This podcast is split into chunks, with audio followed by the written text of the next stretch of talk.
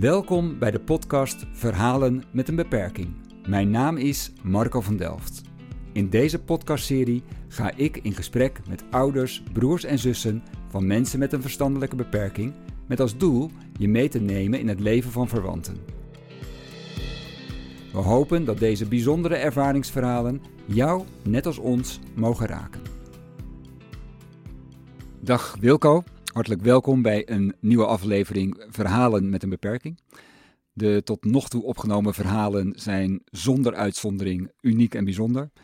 Nou, vandaag is dat niet anders, want jij Wilco komt uit een, nou ik kan best wel zeggen, bijzonder en uniek gezin. Uh, je vertelde me trouwens Wilco dat je ter voorbereiding uh, zelf ook uh, een podcast geluisterd hebt. wat, deed je, wat deed dat met je om zo'n verhaal te horen van anderen? Nou, uh, verhalen van, van, anderen stimuleren mij gewoon uh, om toch zelf ook nog goed na te denken over van hey, hoe is nou mijn relatie met mijn broer en mijn zus en mijn andere broer. En uh, ja, ook het gevoel dat je gewoon niet, niet alleen bent. En ja, je leert er ook, ook van. Van de gesprekken die je hoort. Ja, kun je iets ja. noemen wat je geleerd hebt? Nou ja, ook bijvoorbeeld in de rol uh, richting uh, ouders, hè, hoe, hoe ouders hun, uh, mijn broer en zus hebben opgevoed in relatie naar ons toe. Ehm, ja, dat ze dat natuurlijk met echt vanuit hun volle ja, inzet gewoon gedaan hebben. Terwijl als je dan terugkijkt, mijn ouders zijn inmiddels overleden, ben je geneigd om te kijken naar de dingen die je nu weet. Terwijl dat eh, 30 jaar geleden gewoon echt heel anders was. Of wel uh, 50, 60 jaar geleden uh, heel anders was. Uh, dus ja, daar leer ik ook wel van. om daar soms wat milder in te zijn. daarin, ja. Nou, je maakt ons wel een beetje nieuwsgierig. Je hebt het al over je gezin van herkomst. Je spreekt ja. over twee broers en een zus. Ehm, zou je iets kunnen vertellen hoe dat gezin van herkomst eruit ziet? Nou, ik ben de oudste in het gezin. En ehm, eh, daarnaast eh, heb ik een zus, Mariet. En die is eh, twee jaar jonger de, dan jij. Ja. En zij is eigenlijk lichtverstandelijk beperkt geboren. Maar op het moment dat ik het huis uitging, kreeg zij echt wel schizofrenie op dat moment. En daar heeft ze nog steeds, staat ze onder behandeling voor. Ehm, en je ziet haar ook wel ja, echt in niveau wel naar, achteren, naar achteruit gegaan. En ze zit nu op een uh, plek waar ze echt uh, 24 uur begeleiding heeft. Want hoe oud is Mariet? Mariet is, moet ik even denken, die is, is 61. Ja. ja. En dan hebben we Gerwin. En Gerwin die is, even kijken, 52. En die is met, uh, kort na zijn geboorte kreeg hij een soort uh, aanvallen. Ook een soort epilepsie kreeg hij, suikertekort. Um, ik denk ook dat hij een tijd van nekkramp gesproken, uh, dat hij dat heeft gehad. En uh, hersenvliesontsteking. Maar daar werd eigenlijk nooit zo heel veel over gesproken, wat het dan helemaal precies geweest is. Maar Lichamelijk heeft hij best een opdoffer op uh, hele jonge leeftijd uh, gehad. Kon heel moeilijk lopen en zo. En uh, ja, dankzij de inzet van met name mijn moeder, die heel veel therapie gedaan heeft met hem, veel het zwembad en bewegen. Ehm, ja, heeft hij toch een heel mooi leven heeft hij nu. En ja, dat is fantastisch, vind ik. Hmm. En dan hebben we een broer Erik, die zit daar tussenin. En, uh, tussen Mariet en Gerwin. Ja, die zit tussen Mariet en Gerwin in. En uh, ja, die helpt uh, ook heel veel mee in, ja, in financiële gedeelte, de, dat soort dingen, die zorg. En we hebben de taak een beetje in twee verdeeld. Hij doet zeg maar de financiële kant en ik doe het mentorschap voor hen. Ik zit vaak wat meer de vergaderingen bij die er zijn. En persoonlijk overleg met locaties. En uh, ja, hij, hij doet het, zeg maar de hele financiële beheer uh, voor een tweeën. Dus ook als ik jou goed begrijp, een gezin met vier kinderen. Ja. Waar twee kinderen, een broertje en een zusje, uh, met beperkingen te ja. maken hebben. Ja. De een wat meer psychiatrisch, Mariet, als ik je goed begrijp, ja. met schizofrenie. Ja. En je broertje wat meer verstandelijk beperkt Ja, klopt. eh, na een hersenvliesontsteking. ja. Ik denk dat Gerwin eh, verstandelijk op een leeftijd van acht jaar zit ongeveer. Oh, Oké, ja. Ja. Ja. Ja. En wat heeft dat met jou gedaan als je teruggaat naar je, je vroege jeugd ehm, en eh, je broers en zusje geboren werden? Jij hebt daar veel van meegemaakt, stel ik mij voor. Ja. Hoe heeft dat jou gevormd? Nou, eh, in het begin heel veel verdriet, met name om, om Gerwin. Hè, want dat is dan je jongste broertje en die zie je echt lijden. Hij is veel, veel opgenomen geweest in het ziekenhuis. Maar eh, ja, toen dat op een gegeven moment beter ging, eh, ja, eh, merkte je ook dat hij blijer begon te worden en zo. En ja, die had gewoon wel een hele speciale plek in ons gezin. Zeker omdat hij jongste wel was, verstandelijk natuurlijk achterliep. Dus ja, en, en mijn zus was lichtverstandelijk beperkt. Ja, eh, en die heb ik eigenlijk niet anders gezien, zeg maar. eh, als ja, heel lichtverstandig. Je hield er wat rekening mee. En je wist dat ze moeilijk leerde, maar dat was het dan ook. eh. zag er verder ook, eh, ja, gewoon, eh, ja, als je haar kende, dan wist je dat er wel ietsjes was. Maar eh, ze werd daardoor ook heel vaak, zeg maar, overschat eh, Ja. in wie ze was. Ja. Zag er gewoon goed uit. eh, had eh, vriendinnen van school. En eh, ja, En je ouders, want twee kinderen met ehm, nou, een behoorlijke zorgvraag. Daarnaast ook nog twee kinderen die eh, geen verstandelijke beperking hebben. ja. Ehm, hoe is dat voor, voor Erik en voor jou geweest? Nou, toen, toen de tijd, ehm, ja, ik, ik denk dat we daar, ja, we zijn eigenlijk gewoon in die situatie helemaal meegelopen eh, in die tijd. En eh, we vonden ehm, toen de tijd ook dat gewoon heel normaal hoe dat, eh, hoe dat ging. En we gingen dus nooit eigenlijk in dat jonge gezin nooit naar buitenland toe of zo. Het was altijd dichtbij, zodat je als er even wat gebeurde, kon je naar het ziekenhuis toe. Hè, dus eh, we woonden in Apeldoorn en we kampeerden in Otterlo. Met alle gevolgen dat familie eh, allemaal daarheen kwam natuurlijk, een dagje uit. Eh, Ja. ja. Hè, maar eh, we zijn altijd dicht in de buurt geweest. Op een gegeven moment eh, woningruil in Zeeland, maar niet echt naar het buitenland gegaan. Ja, en dat heb je gewoon op latere leeftijd, toen ik het huis uitging, wel gedaan. Ik denk dat ik voor het eerst in het buitenland geweest ben toen ik een jaar of 18 was of zo. Ja. ja. Maar eh, ja, dat bepaalde natuurlijk wel een beetje de gezinssituatie natuurlijk ook. eh. Ja.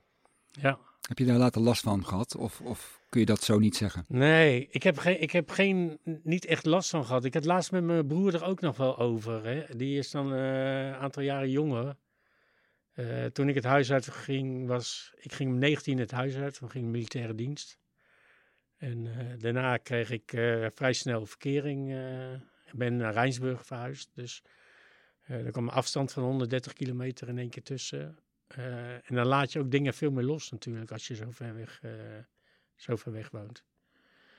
En, maar ja, het was ook een moment dat mijn zus in één keer heel slecht, ja, ging erg achteruit. En daar, daar kijk je van een afstand tegenaan. En hoe was dat voor Erik, dat jij wat meer uit zicht eh, verdween? Ja, ik denk dat dat wel wat lastiger bij hem eh, op zich was. Want hij miste wel, denk ik, eh, zijn broer. Maar het zat natuurlijk tussen ons. Zat ook zo een eh 7, 8 jaar zat daartussen. Ehm, ja, ik was gewoon de oudere broer in feite. En ik denk ook voordat hij daarover na ging denken, was ik het huis alweer uit. Ja. Ja. ja. Ja, hij is ook niet zo voortgezet onderwijs. was hij ook, hij ging op kamers wonen en liet toen ook het gezin los. En toen waren eigenlijk mijn ouders weer helemaal gericht op eh Mariet en Gerwin. ja. Ja. Heeft het eh, jou beïnvloed? Je zei net, eh, ik kreeg zelf ook verkering. Ik eh, ging ver weg wonen, 130 kilometer verderop in Rijnsburg. Ja. Ehm, heeft het invloed gehad hoe jij zelf je leven vorm wilde geven? En misschien ook de vraag van, wil ik zelf kinderen? Ehm, na alles wat je ook gezien had met Gerwin en met Mariet. Nou, dat laatste eh, heb ik, ja, hebben we nooit over nagedacht. Ook geen onderzoek gedaan of zo. Dat was toen volgens mij ook wel minder eh, in die tijd. Tegenwoordig kun je natuurlijk overal op onderzoeken. Eh, ik zie wel dat mijn kinderen daar wel meer vragen bij stellen. Van, hey, Marietje Gerwin heeft, is dat voor invloed geweest. Ja, wij zijn het nageslacht. zou dat bij ons ook wat kunnen zitten? en niet dat ze dan zeggen, zouden zeggen van nou, we, we, we gaan niet met kinderen door. Maar ze hebben wel die vraag gesteld aan ons. En ja, het was alle twee niet erfelijk of zo. Hè? Dus ja, daarna hebben ze dat ook gewoon verder, uh, verder losgelaten. Ja, en zelf zijn jullie dus heel onbevangen. Ja, heel onbevangen erin gestapt. Ja, dus het was niet zo, tenminste die uh, conclusie trek ik dan, uh, dat het je zo beïnvloed heeft dat je daar heel voorzichtig in was. nee, we waren niet heel voorzichtig in. Alleen waar, waar je wel veel over nadenkt is gewoon van, hé, hey, maar hoe gaat het nou met de toekomst verder? ik denk dat je als broer en zus, broer of zus, weinig keuzemogelijkheid in hebt. het blijven gewoon je broer en zus. Stel dat je ouders overlijden. Blijven gewoon je broer en zus waar je, denk ik, zeker als oudste, verantwoording voor voelt. Ehm, en dat heeft wel consequenties ook op je toekomst. Hè. Ik had graag vroeger wel naar buitenland gewild. maar ehm, op een gegeven moment besef je ook van, ja, maar dan moet ik hun loslaten. En ik kan het wel een aantal jaren doen, maar daarna zou ik ook wel weer terug moeten komen. Uh, want dan voelde ik die verantwoording voor hun, uh, zeker ook in de toekomst. Ja. Stel dat dat met mijn ouders zou gebeuren, dan uh, ga je dat overpakken. Ja, want heb je het daar met je ouders, toen ze nog leefden, hebben jullie het daarover gehad? Nee, daar hebben we niet veel over gehad. Nee. Nee. Nee, überhaupt niet zoveel over dat soort, dat soort dingen. Eh, eh, mijn ouders hebben echt, denk tot hun eh, tachtigste gewoon, ja, volledig de zorg gehad. We hmm. hebben pas na die tijd dat overgenomen. Terwijl we aangeboden hebben van nou, laat ons nou alvast een stuk meedraaien. Maar nee, ze wil dat zelf toch wel in de handen, in de handen houden. Ja. ja. ja. Lijkt me ook moeilijk trouwens hoor. Bij je eigen kinderen als je dat zou moeten van het overgeven naar anderen toe. Ja, want zie je daar verschil in tussen ouders en jij als broer van? Ja, zeker. Ik sta, ik sta echt afstandelijker uh, ervan. Uh, terwijl ouders gewoon veel meer kijken over van, goh, wat, wat moeten ze wel niet missen, hè? al mijn, uh, mijn twee kinderen. vakanties, kinderen, een toekomst, financieel, eigen, op jezelf wonen dat, dat soort dingen leefden wel heel erg in hun gedachten steeds. En dan krijg je op een gegeven moment wel te horen van ja, maar jullie hebben het goed. Uh, terwijl ik vond dat zij het ook goed hadden, ja. mijn broer en zus. maar hun vulden dat steeds wel in met de gedachte van ja, hun hebben gewoon een beperking. En ja. jullie kunnen doen wat je willen, wat je ja. wil. Ja. Ja. En tegenwoordig uh, wordt er hoog ingezet, ook al in de jaren 2015 zeg maar, op uh, bewoners, cliënten zoveel mogelijk eigen regie te geven, ja. eigen vrijheid te geven. Ja. Uh, soms ook wel met wat risico's qua veiligheid. Ja.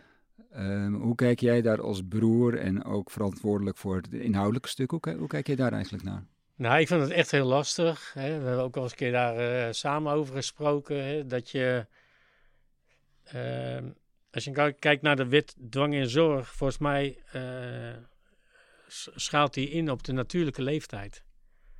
Hè, uh, dus Gerwin is voor hun 52, terwijl die verstandelijk gewoon 8 is. En ik, ik zou sommige beslissingen die hij moet nemen, uh, zou, zou dat in overleg met mij moeten gebeuren. Ehm, terwijl eigenlijk als je naar de wet dwang zorg kijkt, is het veel meer van, nou, hij neemt een keuze en de leiding kan, moet afwegen van, goh, ga ik overleggen met uh, degene die uh, mentor is, ja of nee. Zeker in corona is dat heel sterk wel naar boven gekomen. Hè? Gerwin houdt niet van prikken. Uh, en als ik dan, als de leiding aan hem vraagt van, joh, wil je een coronaprik? Zegt hij, ja, ik hoef geen coronaprik. En dan houdt het op daar. Hè? Dan wordt er gezegd, joh, hij krijgt geen coronaprik, bellen ze op. Ik zeg, hij krijgt wel een coronaprik. Want er komen een aantal belemmeringen voor hem. Hij gaat elke week ging, gaat hij naar de kringloop samen met een vrijwilliger. Ik zeg, dat betekent dat je niet meer naar de kringloop kan. Hè? Dus, uh, Mag ook niet ergens naar het toilet binnen gaan of zo hè, in, die- in die tijd. Oh, oh, dus ik vind het verstandig dat je die wel zou nemen, die prik. Oh ja, nee, dan doe ik het. Dus dat is gelijk de eerste stap. eh. ik hoef alleen dat maar te zeggen. Of, eh, hij, hij is daar daarmee eens. Dus ja, dat vind ik wel eens eh, lastig. eh, eh, dat, dat eigenlijk wat meer inlevingsvermogen daarin zou moeten zijn op zijn niveau. Want vind je dat dan een vorm van overvragen eigenlijk door zo'n vraag te stellen, wil jij een vaccinatie? Vind je dat dan eigenlijk een vorm van overvragen omdat zijn korte termijn reactie is, ik hou niet van prikken, dus ik wil geen prik, Ja. punt. Terwijl als je wat verder met hem doorpraat over de gevolgen van het nemen van geen prik, dat hij dan ineens toch bijdraait en eigenlijk ook beïnvloedbaar is, want Ja, dan wil hij de prik wel. Ja, Ja. Ja. En, en wat, wat, wat doet dan recht om hem toch zoveel mogelijk die vrijheid te geven? En tegelijk hem niet te overvragen op dit soort thema's. ja dat is lastig. Dat, dat, is, eh, dat, dat is lastig. Hè? Want ik vind wel dat je moet vragen. Hè? Dan ben je ook, eh, ook verplicht, want je moet wel weten hoe denk je er zelf over. Maar wel met het achterhoofd van, eh, ja, maar leg dan ook even je eigen mening daarin. En leef dat, eh, ja, leef daarin ook van, eh, ja, wat zou nou het beste voor hemzelf zijn? En niet alleen maar die mening die die, eh, die, die heeft. Die korte termijn mening, Ja, om het zo maar te zeggen. Ja. Ja. Want werkt dat voor Mariette ook zo? Of, of werkt dat bij haar weer heel anders? Nou, Mariet stelt die, eh, Mariet weigert niet, zeg maar. Hè. Die eh, communiceert gewoon veel lastiger, is veel geslotener.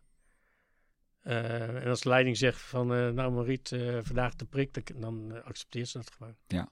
Maar goed, je zou je kunnen voorstellen dat Mariette op andere terreinen in, in haar leven misschien wat risicovol gedrag laat zien. Zoals wij zelf misschien ook wel eens wat risicovol gedrag nemen.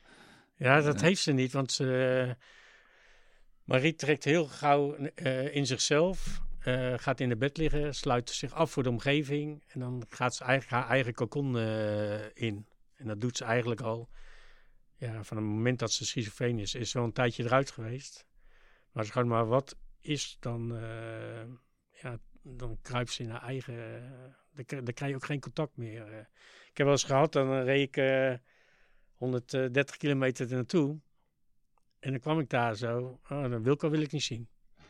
Dus ik ik weer 130 kilometer weer terugrijden. En dan draait ze ook om, zegt niks. En, eh, en je hoort wel de dag daarna, als ik dan bel, toch wel fijn dat je geweest bent. Ja, ja, ja, dat zijn, eh, nou ja, ik lach er dan wel eens om.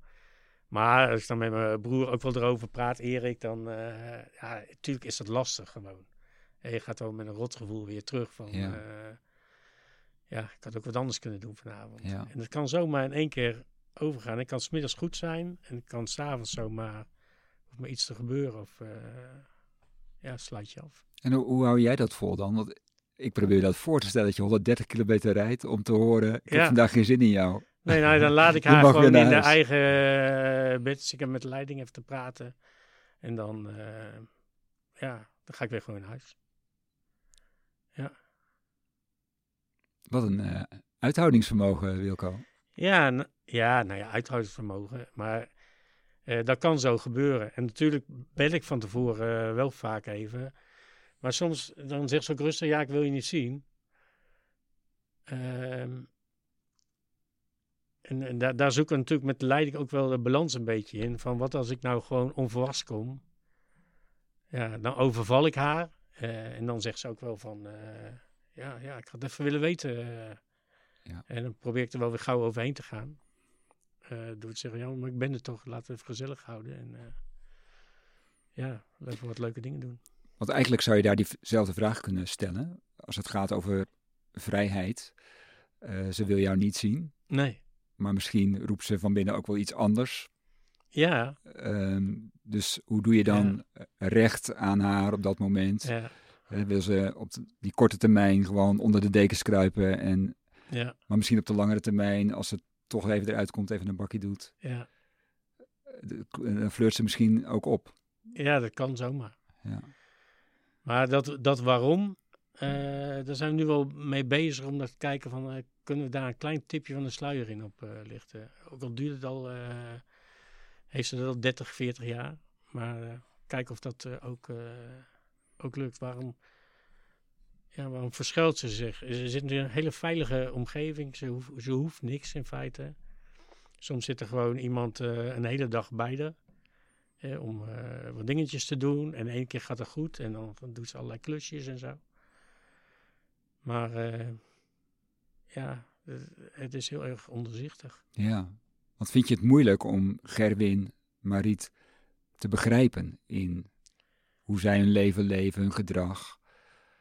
Eh, Kan, je, kan jij daarbij komen of is het altijd een zoektocht? Ja, het is wel een zoektocht hoor. Gavin is eh, behoorlijk autistisch. Heel erg autistisch. Ruimt alles op. Knipt ook rustig elektriciteitsdraden door als hij vindt dat het draadje in de weg en de Oké. stekker zit er nog in. Ja. Hè, ehm, ja, laatst zei een keer, joh, geef, we gaan de kast eh, even een beetje opruimen op je kamer. We zouden wat spullen van mijn ouders eh, eh, naar zijn kamer toe gaan. Dan kwam ik al daar, wa- wa- had hij al een halve kast uit elkaar geschroefd. Terwijl dat helemaal niet de bedoeling was. Hè, dat, soort, dat soort dingen. En denk je van, joh, wacht nou eventjes. ja, wat gaat er nou om in je hoofd? Ja, ja. Dat en is- hij ruimt echt alles op. Hij heeft de meest opgeruimde, opgeruimde kamer. Je zult ook niks... ja. En dan gooit ook heel veel dingen gewoon weg. En dan mag hij dan niet van leiding. Dat moet hij eerst in een bak gooien. En dan gaan wij uitzoeken of dat daadwerkelijk wel weg kan. Maar dat heeft hij nu door. Dus dat gaat dan in een eh, zak. En dan eh, op een stil, sneaky moment gaat dat toch weer de container in. ja, ja, ja, ja. ja. Wat kun je er ook gebruik van maken? Ik bedoel, als hij zo'n opruimwoede heeft, eh, zou je hem dan op een plek kunnen plaatsen waar hij ja, zich nou, in zijn, helemaal uit kan in zijn leven? werk qua- houdt hij een magazijn bij. Ja, Een beetje, hè? Dus eh, Ja. dat is allemaal keurig netjes. ja, ik wou zeggen. Ja, zeg keurig netjes. het is ook een bepaald talent, zeg maar, als je weer kan inzetten. Ja, Eh, nee, dat wordt wel gedaan. ja, en daar wordt hij misschien wel heel vrolijk van. Ja, ja, zeker. Ja. Ja. hij heeft wel naar zijn zin op zijn werk. Dus, eh, Hey, als jij nou de ideale wereld zou mogen schetsen voor Gerwin en Mariet, misschien zijn dat wel twee werelden. Eh, hoe zou die wereld eruit zien, wat jou betreft? nou, ik zou dat Gevin, eh Gevin moet meer opgenomen worden in de, in de samenleving. Eh, het is nu een eiland. eh, hij zit op een eilandje eh, wat dat betreft. Wordt met een busje opgehaald, gaat naar zijn werk toe. Komt weer terug. Heeft één vrijwilliger. Ja, is echt een gouden vent. Die nemen mee naar Guus Meeuwis en dat, dat soort dingen wel eens mee. En eh, komt elke zaterdag bij hem. En hij zegt ook gewoon van, eh, moet luisteren, ik werk vier dagen in de week en één dag eh, besteed, ik, besteed ik hier aan. Hè, om iemand met een beperking te helpen. En het is nog bij hem in de straat ook. En zegt Gerwin op een gegeven moment, joh, ik ben het even zat of ik ben moe of zo. Dan pakt hij iemand anders van de groep gewoon Oh ja. op. Ja. Dus daar zijn we heel erg blij mee. Eh, maar ideaal zou ik gewoon vinden dat ik s'avonds even een uurtje even langs hem heen kan gaan. Of keer eh, zeggen van, nou, het is nu mooi weer, we gaan even lekker de duo-fiets pakken en we gaan even een stukje... eh, dus meer, ja, gewoon veel meer dat directe contact. Ja, Dat- meer, ver- meer verbinding? Ja, En, zeker. en, en kan, hij, kan hij, wil hij zelf ook die verbinding met de samenleving? Wat bedoel je met samenleving? Ja, samenleven. Ik heb me mee naar de voorhof, hè, naar de kerkdienst eh, meegenomen. Oh ja, Dan staat eh, in te Rijnsburg. Ja, Ja. gaat, staat met iedereen te praten. En, eh, ja, ben de broer van Wilco. Stelt hij zich voor en dan, eh, ja. Ja, dat is, dat is genieten. Ja, en dat vindt hij zelf ook leuk. Ja. Is de kerkdienst dan misschien ook een hele laagdrempelige plek waar mensen sowieso al gewend zijn om ongeacht leeftijd, Ja, maar hij, doet dit, hij stapt op iedereen af. Hij Oh, echt op. Ook al is de burgemeester, dan, dat maakt dan helemaal niks uit. Nee, nee. dus hij Nee. maakt wel, hij is in die zin wel sociaal wat Heel hij... sociaal, zeker. Ja. Ja, Ja, ja, ja. ja. Maar je wil hem liever in Rijnsburg hebben. ja ik wil hem liever eh, dichterbij hebben. Ja. Ja. Dus dat zijn eigenlijk wel thema's, zowel voor Gerwin als voor Mariet. Van, kan ik ze toch misschien hier naartoe halen? precies. Ja. En geven zijn wel stappen verder. In de herfstvakantie heb ik een paar dagen hier in Rijnsburg gehad. Zijn we er wat dingen wezen bekijken. En eh, ja, daar is hij gewoon enthousiast in. En eh, dat vindt hij ook wel eh, goed. Maar als iemand van de leiding aan gaat vragen van... joh, Kevin, eh, hoe staat het met je verhuizing? Nou ja, dan eh, kan het ook zomaar zijn van... eh, ja, ik heb er niet zoveel zin in. eh, Hmm. hè, dus, Vergelijkbaar met de coronavaccinatie? ja, nou ja, misschien wel. Maar ook dat hij dan zegt van... ja, maar betekent ook dat ik jullie moet missen als, Ja. als leiding. Ja. Waar hij een relatie mee heeft. Ja, in die zin zijn de mensen, ook al zijn het begeleiders, het zijn natuurlijk gewoon belangrijke mensen voor belangrijke hem. mensen, en, en voor Mariet niet anders. Nee, precies. Uiteindelijk zijn dat gewoon de mensen die ertoe doen, omdat die iedere dag met je optrekken. Ja, en ja. je hele wel en wee eh, kennen. ja, zeker. Ja, Zeker. Maar je zou zo graag eh, in de huid willen kruipen van. Hè? Van, eh goh, kom nou eens even mijn, eh, mijn gedachten matchen met de gedachten die, Ja. die jij hebt op dit moment. Ja. Ja. wat, zou je dat op, wat zou jou dat opleveren als dat zou kunnen? ja, haar beter leren kennen. Haar meer inleven in de situatie waarin ze leeft. Ja, En dus ook beter met haar kunnen beslissen ja van zeker. Hoe, hoe, Welke- wat- hoe wat vormen we de toekomst? toekomst. Ja, Ja, hoe ziet je leven eh, de komende twintig jaar er nog, eh, nog uit? ja. Als we het mee mogen maken. Wat Ja. denk je er wel eens over na? Ja, stel dat Erik en jij er op een gegeven moment niet meer zouden zijn. Hoe het, Ja, dan valt met- het helemaal terug op, eh, op de locatie. En hoe kijk je ernaar? Ehm, ja, daar ben ik nog niet veel mee bezig. Nee. Nee, we doen dit eigenlijk al pas een eh, jaar of drie of zo, hè, zoals we het nu doen. Hè, omdat we het overgenomen hebben van eh, mijn ouders. Mijn ouders hielden dat ook gewoon vast. Maar ik kijk nog niet echt uit over de, eh, de verre toekomst. eh. en dan zie je natuurlijk als je naar bewoners kijkt, eh, het zijn Rijnsburg of waar dan ook. eh, wo- worden mensen met een beperking ouder, dan, dan kom je gewoon in die situatie terug dat er geen familie eh, gewoon meer. eh, Dat komt zeker is. voor. Ja. Ja. En mijn kinderen zullen ook niet opstaan en zeggen van nou, als jullie niet meer zijn, dan nemen wij de zorg van Gavin over. eh. Hè, dat, dat, dat zie je niet gebeuren gewoon. Nee. eh. Nee, want, want hebben zij wel regelmatig contact met Gerwin en met Mar Mariet? ja, met een verjaardag komen ze. Oh ja. eh, Mariet niet hoor, met Mariet bijna niet. Nee. Maar wel met, stuur wel eens een kaartje en dat soort dingen. Maar Gavin is dan meer contact, want als we op een verjaardag gaan, dan komen ze ook wel mee, zeg maar. Ja. Dus ze zijn in die zin wel vertrouwd. Ja, Met in ieder geval hun oom, oma Ja. Gerwin. ja, Ja. ja. Maar er zit een gener- generatie tussen eh, Ja. natuurlijk. Ja. Ja. Stel nou dat eh, Gerwin, Mariet en ook Erik naar deze podcast zouden luisteren. Wat zou je Ja. hen dan willen zeggen? Ehm, ja, wat is dan een vraag zeg. Laten we eens bij Gerwin beginnen. Wat zou je Ja. tegen Gerwin willen zeggen? Nou ja, ik hoop dat eh Gavin gewoon een, eh, een, een, een, eh, toekomst nog krijgt waarin die gewoon wat meer mensen om zich heen hebben die, die omgeven, buiten, buiten leiding om. Ja. dat zou ik hem echt, echt gunnen. Ja. Hij geeft zich gewoon helemaal en ik hoop dat hij daar gewoon ja, weer verder in mag groeien, zeg maar. Ja. Ja, Meer in verbinding met anderen. zeker. Ook buiten begeleiding om. Ja. Meer deel van de samenleving. Ja. Wat zou je tegen Mariet willen zeggen? Maar iets zou ik eh, willen zeggen van, eh, nou ja, wat ik net zei, in de huid kruipen van, la- laat meer van jezelf zien wat je ervan vindt en hoe je dingen ervaart en wat je wil. Hè, eh, kijk niet naar wat je niet kan, maar kijk wat je wel graag zou willen doen. Zij zeggen altijd, eh, ja, dit is me niet gelukt. Dat is altijd de uitspraak bij haar. Ja. Eh, kijk wat je wel zou willen kunnen de komende tijd. Eh, waar, waar liggen je behoeftes? Eh, ja. En je mogelijkheden. ja, en wat kan. Dus wat Ja. positiever en wat meer tevoorschijn komen. Ja, zeker, zeker. Dus daar gaan we ook wel stappen in zetten, hoop ik. Maar ja, dat ligt ook aan haarzelf hoe bloot ze zich daarin gaat geven. Ja, Ja. ja, ja. Ja, en soms is het ook een stukje onvermogen misschien om die stap te kunnen maken. Is ze misschien ook wel heel afhankelijk juist van anderen om haar te helpen naar dat positieve toe te gaan, ja toe te bewegen. Ja, Ja. En last but not least, Erik. Erik nou ja, Erik hoop ik gewoon eh, hè, dat we de band zoals we die nu hebben gewoon eh, echt kunnen blijven houden. Want zonder Erik eh, lukt het nog gewoon niet. Ik heb een, ja, hij is gewoon financieel gewoon eh, goed. eh, heeft liefde voor Mariet en eh Gevin. Ja, ik kan hem tot steun zijn. Hij kan mij tot steun zijn.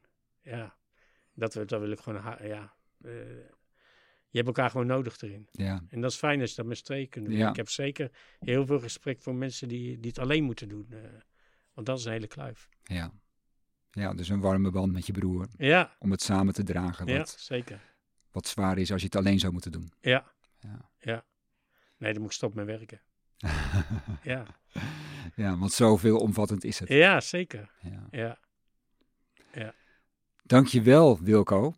Dankjewel dat je jouw perspectief als broer eh, met ons hebt willen delen. Dankjewel voor de mooie, maar ook intense verhalen die je, nou ja, die je verteld hebt eh, over je broer en je zus. En ook over Erik natuurlijk. Ehm, ik wens jou en ehm, je broers en je zus het goede toe. Met ruimte voor ieders eh, eigenheid eh, daarin. En voor de luisteraar, heb je vragen of opmerkingen naar aanleiding van deze podcast of zou je zelf je verhaal willen delen? Stuur dan een e-mail naar geestelijkezorg.serenlo.nl. Dank voor het luisteren.